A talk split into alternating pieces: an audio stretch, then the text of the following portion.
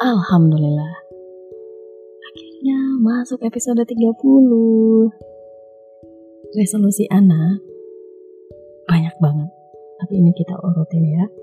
Dan yang nomor satu, gak pernah bergeser dan belum terhapus selama 12 tahun sejak dimasukkan dalam buku resolusi. Yang pertama, menikah. Kedua, umroh dan haji.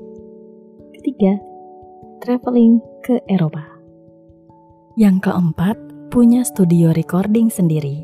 Ini cita-cita baru sejak masuk ke dunia voice over dan dabar. Yang kelima, segudang mimpi lainnya yang udah capek nulisnya belum juga menjadi kenyataan. Tetap semangat.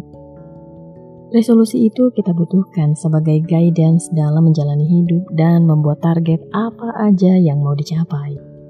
Meskipun terlihat muluk, nggak mungkin ketinggian dan keresahan yang tidak berdasar itu muncul dari diri sendiri juga orang lain yang nyinyir.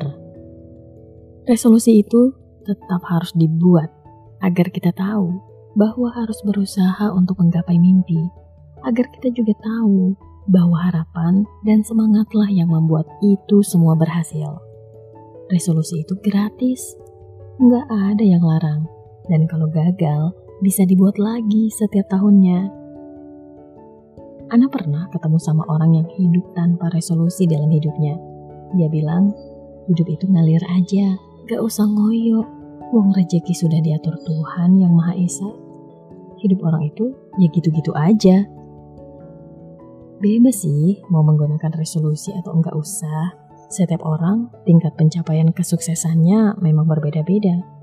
Enggak perlu dipaksakan, toh bukan urusan kita juga.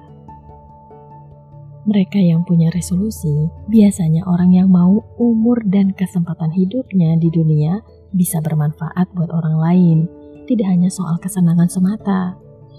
Resolusi itu bisa juga sebagai cambuk untuk mengingatkan kita bahwa usaha kita belum maksimal jika dalam kurun waktu tertentu belum tercapai.